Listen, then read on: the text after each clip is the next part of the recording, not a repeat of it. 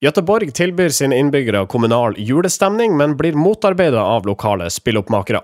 Motehistoriker mener Victoria's Secret må bruke overvektige modeller for å bli moderne igjen. Google har sluppet den norske søkehistorikken for 2018, og i dag avslører vi hvem som har Norges beste stillingstittel. Vi er norske informasjonsrådgivere, velkommen!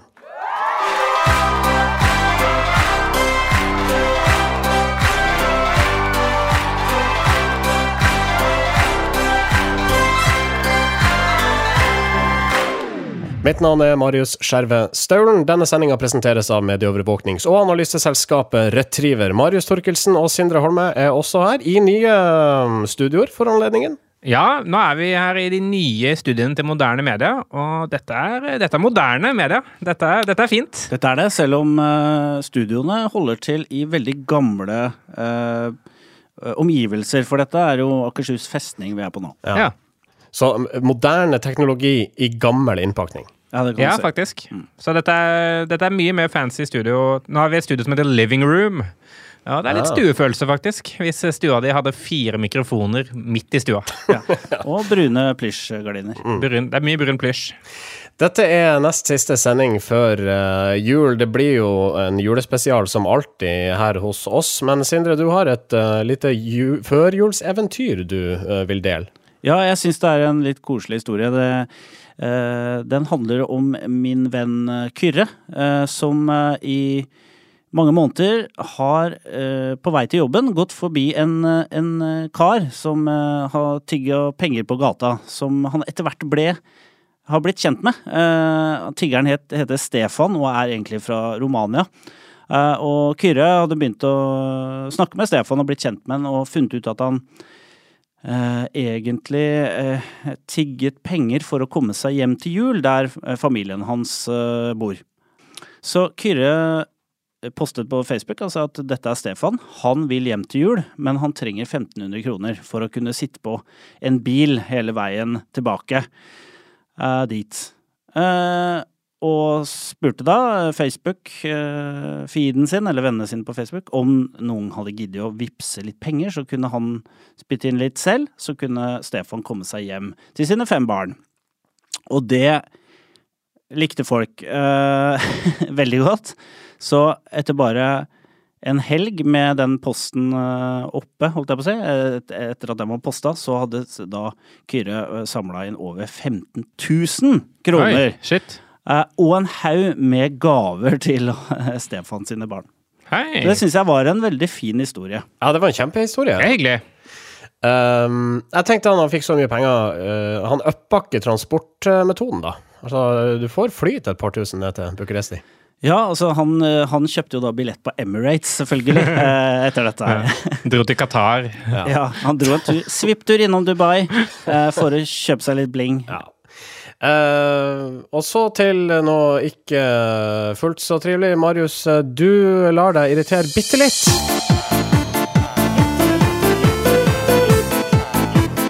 Bitte, litt, bitte, bitte litt. Litt.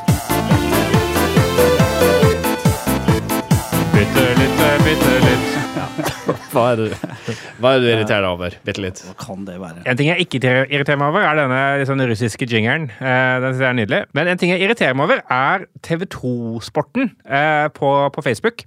Eh, TV2 på Facebook er jo et stort hull, der nyheter går for å dø, holdt jeg på å si. Eller viralsaker kommer. Men TV2-sporten har jeg inntil videre syntes har vært hyggelig. Jeg synes de er flinke. Jeg liker sportsdekningen TV2.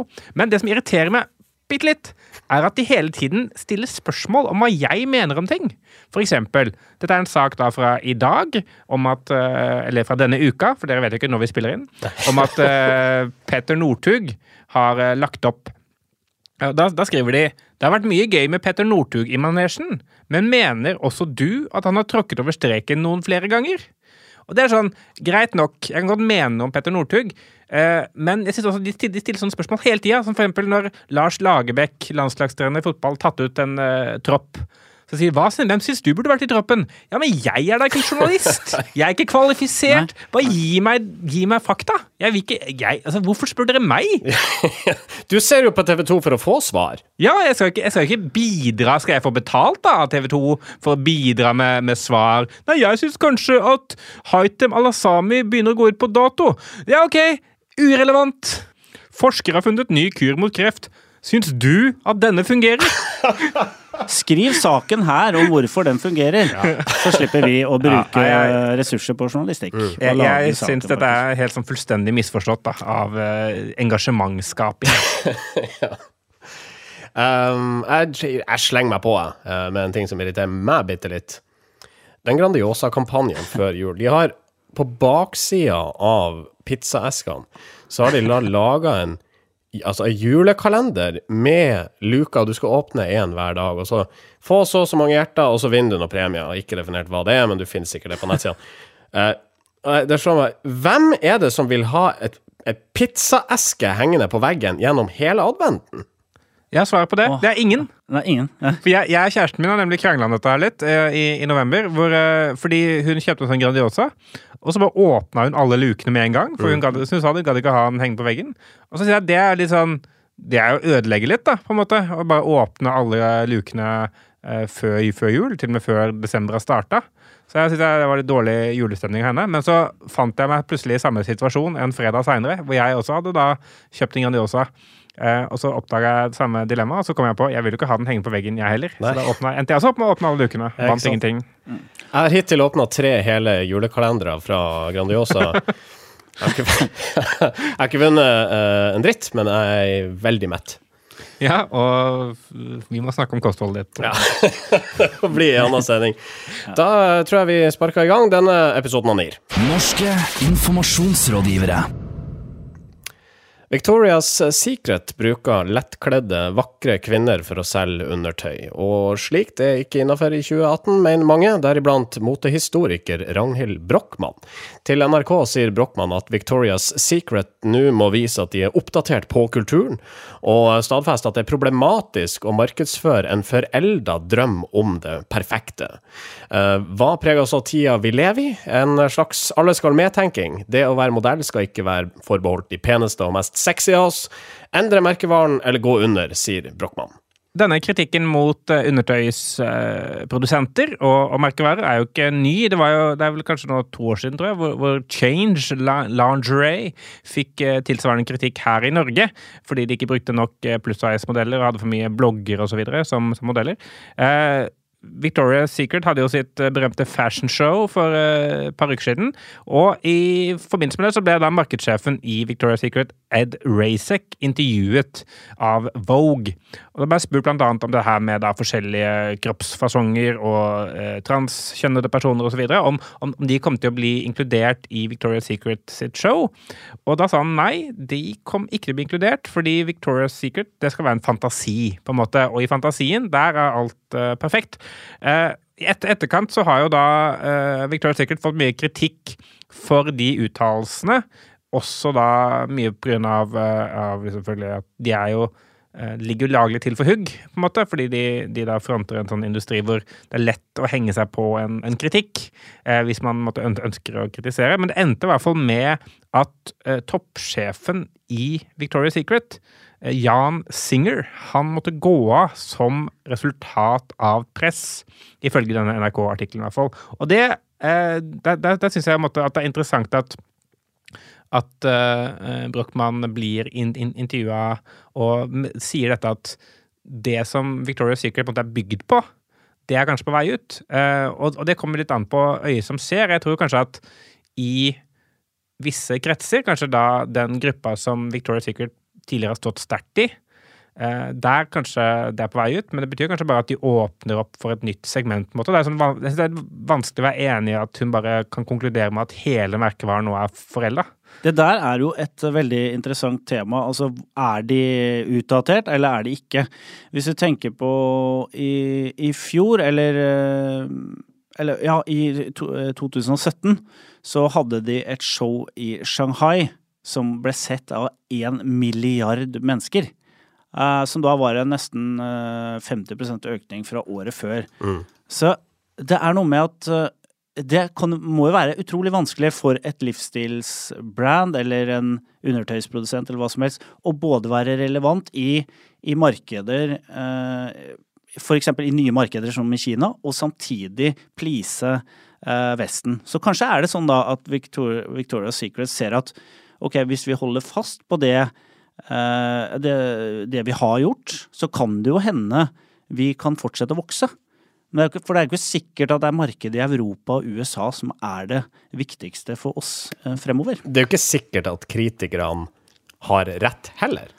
Nei, ofte er det jo ikke det. Nei, altså, men det, det, er jo, det er jo ting som har endret seg siden Victoria's Secret ble lansert. Da kan vi jo si at sånn eh, konteksten av eh, måte, hvordan eh, kvinner ses på, og kanskje spesielt sånn seksualisering av kvinner. Det, det er jo en annen eh, kall det diskurs rundt det enn det har vært eh, før. Det Jeg er liker jo at du bruker ordet diskurs. Ja, tusen takk. Jeg elsker det. Eh, og, og, og det er ikke ut, utenkelig da at måten man snakker om dette på, påvirker eh, hvordan da en aktør som Victoria's Secret, som har spilt kanskje over, eller mye mer på kropp og skjønnhetsideal enn veldig mange andre merkevarer har gjort. Eh, det, det er ikke utenkelig at måtte, de påvirkes av det, og at de kanskje er nødt til å endre eller justere, men om svaret er Kall det mangfold Om det er en måte mangfold i modeller som er den eneste måten å fornye den merke merkevaren på, det, det er jo kanskje jeg, jeg tror det er et større problem at det er litt sånn overordna tacky, på en måte. Altså sånn, eh, at det er litt harry. Men uh, er det ikke litt sånn derre hva, heter, hva er det begrepet? La meg, la meg liksom Diskurs? se Er det, er sexy nei, du mener? nei, nei, ikke sexy. Hva heter sånn eh, eh, pleasure som ikke er uh. Guilty pleasures. Ja, det var det jeg skulle si. Ed Race, som er eh, han er markedssjefen, direktøren, han sier jo at dette er showet er en fantasi. Skal, du skal jo liksom ikke relatere det til virkelig, altså, virkeligheten på den måten. Eh, så, så er det er kanskje Victoria's Secret mer sånn guilty pleasure, da. Ikke sant? Det er noe du, du liker å se på, men ikke kan vedkjenne deg og identifisere deg med. Nei, jeg, jeg, jeg tror, det, som- det jeg syns kanskje er mest interessant, er uttalelsen i samme sak fra uh, hele Norges modellmamma, ifølge da NRK igjen. Eivor Øvrebø. Uh, jeg pauser på Eivor. Gå videre. Eh, hun, hun sier det at jeg hadde blånekta at jeg sluttet å puste før noen av mine modeller skulle gå for dem. Og det, det ser jeg kanskje er et sterkere utsagn enn enn det hun Ragnhild Brochmann kom med. For dette er jo en person som da faktisk lever av å få modeller opp på catwalk. Ja. Og når hun da sier så eksplisitt at hun ville ikke latt sine modeller eh, gå for det som er en av de største liksom, Eller på et av de største, mest sånn kommersielle fashion-showene der ute. Eller om man kaller det fashion, i hvert fall. eh, Det er vel en av de største catwalk-scenene du kan gå på hvis du er modell. Victoria's Secret og uh, Sports Illustrated er begge to ganske høyt oppe der, er det ikke det? Jo, jeg ville, nå, nå merker jeg at min kunnskap om det er veldig begrensa, men, men, men eh, det, er- det er jo et eller annet med at eh, hovedfokuset der er eh, kropp. Eh, det er måte ingen, det legger jo ingen både på Sports Illustrated og Victoria's Secret, mens eh, Kanskje i de andre så er hovedfokuset klær eh, i større grad, men de må jo være veldig tynne for å gå med de klærne likevel. Så det er jo en slags eh, kropp som skal inn der. Altså, klær ser jo best ut på tynne folk. Ja, og det syns jeg er litt juks, eh, faktisk. Urettferdig. Ja, men det er, sånn, altså det er jo veldig unødvendig at modeller eh, for klær skal være tynne. For jeg, for meg, jeg som eksempel, som er eh, jeg vil si er vanlig, eh, vanlig pluss eh, eh, Jeg er egentlig på jakt etter klær som får meg til å se bra ut. Ikke, Ikke som får en tynn person til å se bra ut. Eh, så så det, det å være tynn og få klær til å se bra ut, det, da kan du gå i hva som helst. Du trenger ikke gå i kjempedyre klær da. Eh, men du, jeg må ha dyre klær for å se bra ut, for det, det er mye jobb. Det er en designer eh, på jobb å lage, lage klær. Her er det troll i markedet for folk som er deg. Ja, absolutt. Jeg, jeg må ha mye penger for å se bra ut uh, i det hele tatt, jeg. Eh, for da har jeg så mye penger at folk glemmer hvordan det ser ut. Det, det er der jeg må ha en dyr bil for å se bra har ut. lyst til å komme. Eh, men jeg merker at jo mer vi snakker om det, jo mer inkompetent blir jeg. Men det er, i, i bunn og grunn så, så handler det vel om at liksom glamourmodell-looken er, er kanskje litt sånn passé. Ja. Mener, mener mange, da. Ja. Eh, Men samtidig, i noen markeder, så vil den, den eh, looken fortsatt være gangbar, og da er ikke sikkert Victoria Secret skal gå bort fra det. Ja, og, og så må jeg bare si sånn, eh, helt avslutningsmessig, at dette er jo sånn typisk sånn der pendel som, som eh, svinger mellom fantasi og aut autentisitet. Autentis, Autentisitet. Autentisitet. Ja. Eh, så måtte pendelen nå er jo veldig på aut- autentis, autentisitet. Eh, det var veldig vanskelig ord å si. Autentisitet. Den er veldig på autentisitetsdiskursen, da. Ja, si sånn. ja, på veldig, så, alt skal være veldig kortreist, og det er sånn der, eh, kortreiste pølser og, og hånd, håndsydde klær og sånn. Alt skal være veldig autentisk. Eh, men det kommer jo til å svinge, svinge over, og da vil vi kanskje trekkes mot fantasien igjen, da. Så kanskje Jeg vil ikke si at eh, Victoria's Secret og måtte dens like er utdatert, men det er kanskje bare satt litt på benken for en stund. Ja, jeg tror det. Altså, eh, jo, sant? Jo, jo mer vi nærmer oss apokalypsen, sant? at uh, jorda snart går under osv., jo mer vil vi Ja. eh, få en hang til fantasien, englevingene, Virkelighetsflukt. og, og komme oss unna det, det helvete vi, vi opplever hver dag. Ja.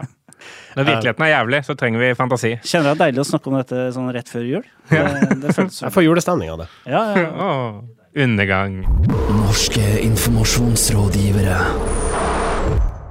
I Gøteborg Göteborg ville kommunen bidra til julestemninga i byen, så de fikk en idé om å sette opp en fotoboks på et torg, og så linke den her til, en, til noen prosjektorer, som i sin tur blåste fotoboksmotivene opp på store bygninger. Ideen er kul, men alltid er det noen som må ødelegge. Ja, det er det. Er det. Eh, For ikke så fryktelig lenge etter at den boksen med gode hensikter ble satt opp på torvet, så dukket det opp eh, både hakekors og nakne underliv på de eh, enorme flatene på torvet her i Gøteborg. Ja, jeg, jeg tror det er viktig å understreke hvor enorme flater dette er. For dette er en bygningsfasade fullstendig lyst opp av det som er i den prosjektoren. Så illustrasjonsbildet i saken er et hakekors som er over jeg vil si, fire etasjer. Altså fire ganger fem, da. Vi refererer Dagbladet her, og det er de som har, har dette bildet. Altså, det er et, et kjempedigert hakekors flankert av eh, det jeg tror er sånne juleoppsatser og, og, og julebjeller. Det er nydelig. Altså, det er jo eh, Det er jo Litt sånn eh, nostalgi over dette her, for det er, ikke, det er jo noen år siden Ja, det er jo, for, det er jo på mange måter. Eh, Det er jo noen år siden vi snakka om at det er viktig å forhåndsmoderere. Så, Ja, stemmer det. For eksempel sosiale medier, konkurranser og aktiviteter. Eh, Det var ikke skjedd her. Nei, uh, det, dette er jo This is why we can't have nice things. eh, hashtag, holdt jeg på å si. Eh, dette er jo bare sånn det selvfølgelig må gå når man har naiv tro på det gode i mennesket og setter opp en boks eh, til alle. Eh, her har eh, det virkelige livs eh, 4chan dukka opp og, og trolla Gøteborg. Hvis du hadde vært liksom mediebyrået til, eh, til nasjonalistpartiet i Sverige, eh, hva, vurderte liksom verdien av den eksponeringen? Nei, dette er jo eh, eksponering eh, som er syv ganger mer verdifull enn vanlig reklame. Eh, fordi du får jo presseoppslag, du får klipp, Ja, og det har sant? mer troverdighet. Så én ting er jo eksponering, men dette er en slags geriljataktikk, da. Så det er jo helt i tråd med de rådene jeg ville gitt. Ja, altså, altså Dette er en utenriksreklame som det er på en måte størrelsen var jo som om du skulle ha tapetsert hele Times Square på en måte en time. Ja. Og det koster jo millioner av kroner. Men eh, når det er sagt, så syns jeg ikke nazistene bør få lov til å reklamere. Ok. Google har sluppet oversikten over hva nordmenn googla mest i 2018. Søk som 'Hvordan bli kvitt magefettet' og 'Hva er bitcoin?' Trona øverst sammen med bl.a. Bahare, Letnes og eh, sport. Ja, det, dette er jo også litt sånn apropos nostalgi, litt sånn årlig tradisjon da fra Google, hvor de slipper de mest eh, søkte ordene, og alle, alle medieoutletene, holdt jeg på å si, de, de skriver saker om det. Eh, det er jo litt sånn gøy å se tilbake på hva som har blitt, eh, blitt googlet. jo. Bitcoin, det hadde jeg helt glemt at vi drev og holdt på med. Mm. men det selvfølgelig, det lurte jo mange på hva er, og det tror jeg ikke du kan google og få svar på, for det er fortsatt bare, jeg skjønner fortsatt ikke hva det er. Det, er det er som penger, bare ikke, på en måte. Ja. Eh, men så har det har vært preget av ting som har skjedd i år. Sånn, eh, det har jo vært eh, både OL og fotball-VM. Eh, Da blir det mye sportsrelaterte søk. Og så har det jo vært mye politikere som har vært i ulike typer av hardt vær. da. Hvor, eh, hvor eh, både Per Sandberg og Bahare, Bahare Letnes og Trine Skei Grande og Abid Raja og, alle, alle de har liksom vært vært til stede i søket. Og ikke minst, eh, som jeg hadde helt glemt, eh, Nora Mørk eh, er jo blant de mest søkte personene. Og det er jo Her har ikke Kampanje i sin sak nevnt hvorfor, men det var jo den berømte nakenbildedebatten som sikkert Nora Mørk skulle ønske at ble glemt, men nå dukka opp igjen. Og eh, en, eh, et navn som vi ikke har sett siden sånn 90-tallet, uh, dukka også opp i år. Kristin Kirkemo. Hun ganske foxy trippeldrapsdømte. Uh, Medvirkning til fra trippeldrap. Orderud-drapet, som dere, eh, saken, som jeg kanskje husker. Hun er da tilbake i rampelyset, og folk har lyst til å eh, tydeligvis vite mer om henne, da. Ja. Um, Altså, det er jo det er en hel generasjon som har vokst opp etter at eh, Kristin ble kasta i buret. Ja, ikke sant, det er det. Eh, Så hun er jo på en måte en slags Sonja Henne, ikke sant, som kommer tilbake eh, etter noen år igjen. Og så kommer hun tilbake neste generasjon sikkert igjen, da. Det er som den jojo Det er jojoer hvert fjerde år eller noe sånt. Ja, det eh, var visst det. Ja. Kirkemo-år en gang i tiåret. Mm. det er det. det, er det. Eh, I tillegg så er jo da eh, lammelår selvfølgelig blant de mest eh, googla oppskriftene. Det er noe som folk liker, men ikke kan lage, tydeligvis. Eh, men rett bak på listen, kan, kan Kampanje opplyse, ligger den mer ukjente retten bossam. Og eh, Hilde Skjervold Skal vi se at jeg får Helle.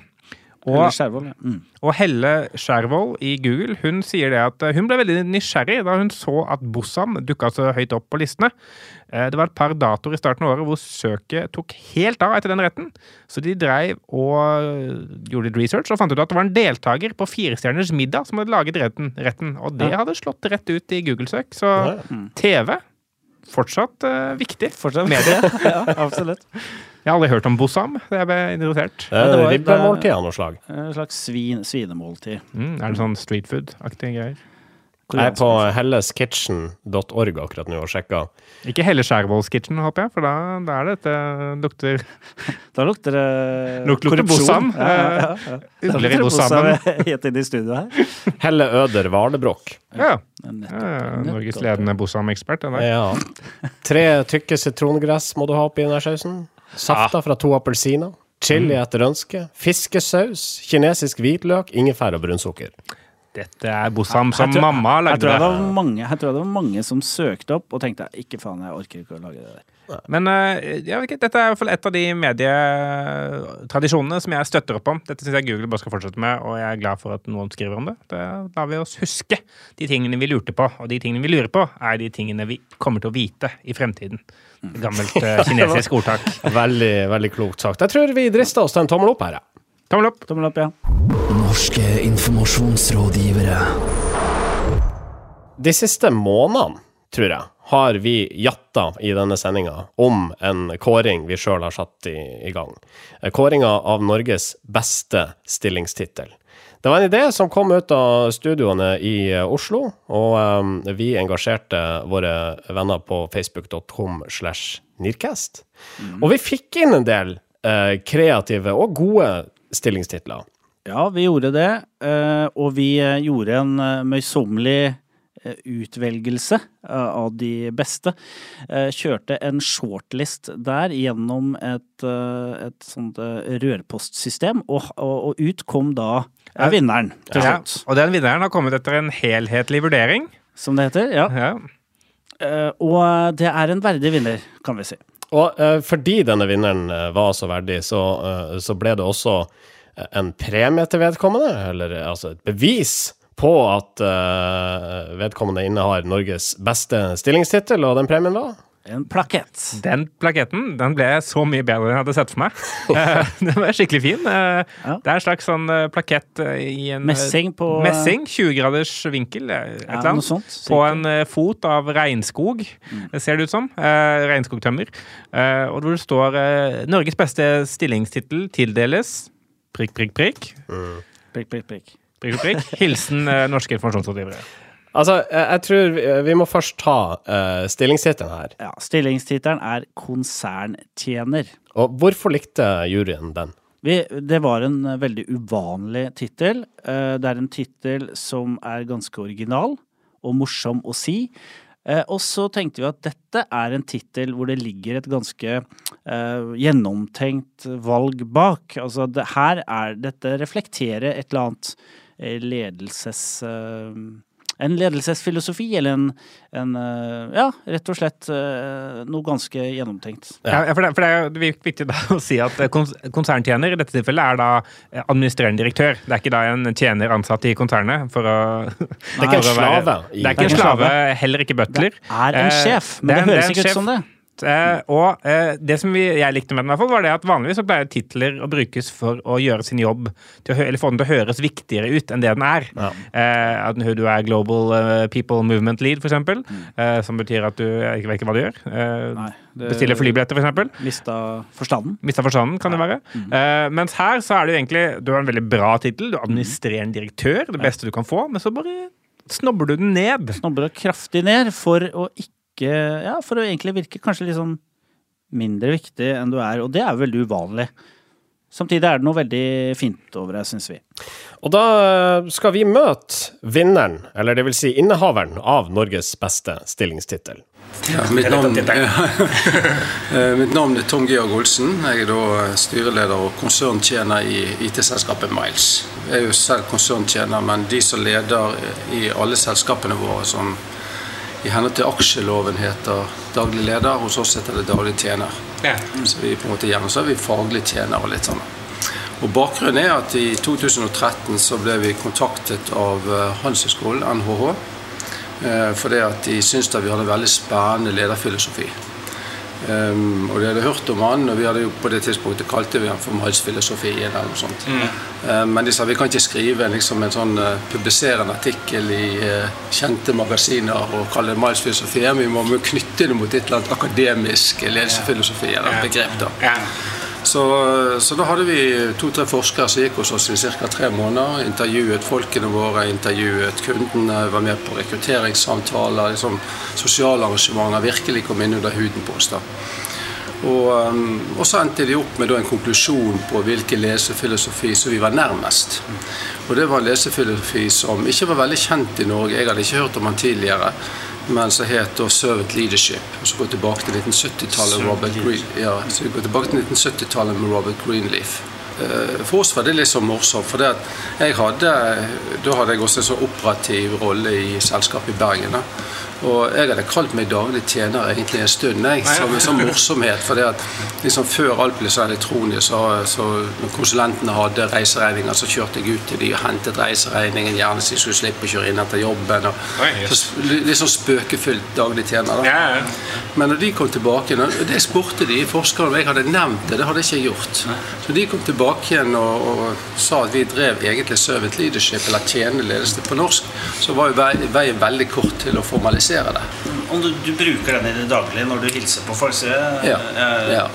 Ja, og du kan si at den har, har på en måte to effekter da, som, som skal være litt sånn filosofisk. Den ene er jo det at det er en sånn icebreaker. Sant? Forbind litt sherry. Og spesielt, eh, jeg, liker å leke med språket. Så spesielt daglig leder, daglig tjener er veldig sånn Folk tror de har hørt feil. Ja. Så opp igjen, og så får vi på en måte i gang en god samtale. Sant? Trenger ikke være stand-up-comedian engang. Eh, Men den andre tingen er at vi ønsker å signalisere en lesefilosofi som vi tror på. Ja. Hvordan har det, hvordan har det prega liksom, kulturen i Miles? At du kaller deg konserntjener? At du, at du har en sånn, en sånn ydmyk holdning? da Nei, Jeg tror det underbygger det vi ønsker å få til. Man snakker ofte om en, en flat organisasjon. Eh, For meg er det liksom to dimensjoner. Det ene er eh, det rent hierarkiske. Eh, Jeg kan ikke huske sist jeg tenkte organisasjonskart. Jeg tror ikke vi har laget et offisielt organisasjonskart. Men, men vi har jo likevel noen nivåer. Så vi har jo personalansvar osv. Men eh, det først og fremst underbygger en flat kultur. Um, og det er en forskjell uh, i, forhold til mange andre konsulentselskaper der det, liksom prosessene skal gå liksom linjevei hele tiden. Sant? Mens vi ikke tenker på det. Vi snur oss rundt og snakker med den som vi føler kan, kan hjelpe oss i en situasjon. Da. Ja. Om det er oppover eller nedover. Liksom. Til, til slutt, eh, hva er det du tenker at eh, du har lyst til å utvikle deg på som, som leder da fremover innenfor da ditt fag? Ja, det er jo en sånn eh, evighetsreise, det der med ledelse. Du kan aldri på en måte sjekke inn og si at noe er god nok, eller noe liksom jeg er en suveren leder. Jeg tror jeg alltid vil være nysgjerrig på de små nyansene. Sant? Eh, eh, Blant annet på et sånt eh, lederutviklingsprogram som jeg holdt foredrag, så, så ble jeg utfordret på hva jeg syns er den viktigste ferdigheten som, som leder. Da. Og da tenker jeg ikke bare på sånne medfødte ting, men mer sånn tema. Og etter å ha tenkt litt på det, så kom jeg frem til at det kanskje synes det viktigste, og det som jeg, hvis jeg skulle tatt lederkarrieren på nytt, ville lese meg opp på tidligere, så er det kommunikasjon. Det er så alt handler om kommunikasjon. Og kommunikasjon er når du reiser deg opp og taler, og når du sitter der nede og lytter. Sant? Alt imellom. Jeg må si, Du er jo du er veldig da, proff podkastgjest som klarte å knytte da, dette her tilbake igjen til vår podkast, som egentlig er kommunikasjon. Så eh, det er veldig bra. Som er liksom Så egentlig var vår jobb. Men det gjorde du bra. Så det er veldig bra. Eh, men vi vil bare avslutte med Vi har jo da lagd Vi, du må jo få et fysisk bevis på at du fysisk bevis er, på eh, en pris, altså det er en plakett. Oi, Hvor det står eh, Den kan du ha på pulten din hvis, hvis du vil. eh, Eller hjemme, eller hvor som helst. Hvor det står Være Norges beste stillingstittel. Tildeles Tom Georg Olsen Miles. Med vennlig hilsen oss i Ja, Norske informasjonsrådgivere. fantastisk. Tusen, tusen takk. Norske informasjonsrådgivere. Tom Georg er jo en, viste seg å være en ganske sånn ujålete og ubrautet eh, bergenser. Eh, kanskje litt uventa. Eh, men han er da sjef for IT-konsulentselskapet Miles, og han kom jo opp med denne her eh, Begynte å kalle seg for konserntjener fordi at han var jo sjef, men han opplevde at det han gjorde veldig mye, var å kjøpe Fordi han leide ut disse konsulentene til DNB og andre store selskaper. Sånn at han opplevde at han kjørte mye rundt til konsulentene for å besøke dem, for å se om de hadde det bra. Kanskje kjørte, eh, kjøpte noe lunsj til dem og, og, og sånn. Så han, han sa at jeg er jo mer, kanskje mer en konserntjener. Og begynte å kalle seg det, faktisk, og fant ut at det faktisk var en filosofi. Eh, ledelsesfilosofi. Eh, og, og tok det på alvor. Ja, jeg, jeg bare synes han var en veldig hyggelig fyr, jeg. Så han uh, gadd å møte oss uh, midt på dagen på Kulturhuset i Oslo, som dere hører av uh, all, all støyen rundt. All støyen vi har fått mye kjeft for dårlig lyd på dette opptaket av en viss produsent av denne sendingen. Men jeg syns det, det ga autentisitet Det var en ny diskurs eh, innenfor ledelse. Jeg syns det ga autentisitet Ja. til eh, opplevelsen av å møte Tom Georg. Jeg opplevde at det, var litt uventa å få den uh, tittelen. Jeg tror eh, han, som han sa, det fins jo priser man kan nominere seg selv til, og priser man uventa, eller som man får helt uventa. Dette var en av de uventa Ja, priser som bare foregår uten at du Ja. skjønner helt hvorfor. du skjønner. Mm. Jeg visste ikke at dette var en ekte ting. Nei, og det er det jo på en måte Det er jo det, eh, fordi vi har lagd det til Men uten, uten, uten plaketten hadde det bare vært en Facebook-post. skal vi ikke snabbe det ned. Eh, All right. Um, norske informasjonsrådgivere spilles inn i studioene til Moderne Media, et av landets største miljøer for podkast her til lands. Um, du finner dem på modernemedia.no. Oss finner du på facebook.com slash nearcast, soundcloud.com slash nearcast, og selvfølgelig i iTunes. Uh, følg oss uh, gjerne der, så uh, kommer vi høyere opp på ratinga, og det er det eneste vi ønsker oss til jul. Um, vi er tilbake i neste uke, og da har Da tør vi allerede nå å love en heidundrende førjulsfeiring. Da blir, det, da blir det god stemning, eh, gløgg og julenøtter. Holdt jeg på ikke julenøtter, det blir det ikke, men eh, det blir sang, sang, sang og moro. Ja, det blir sang. Ja. Så det ser vi eh, veldig fram til, og håper du er med oss også eh, da. Eh, men her og nå så sier vi ha det godt. Ha en eh, diskursfri eh, Aften. Norske informasjonsrådgivere.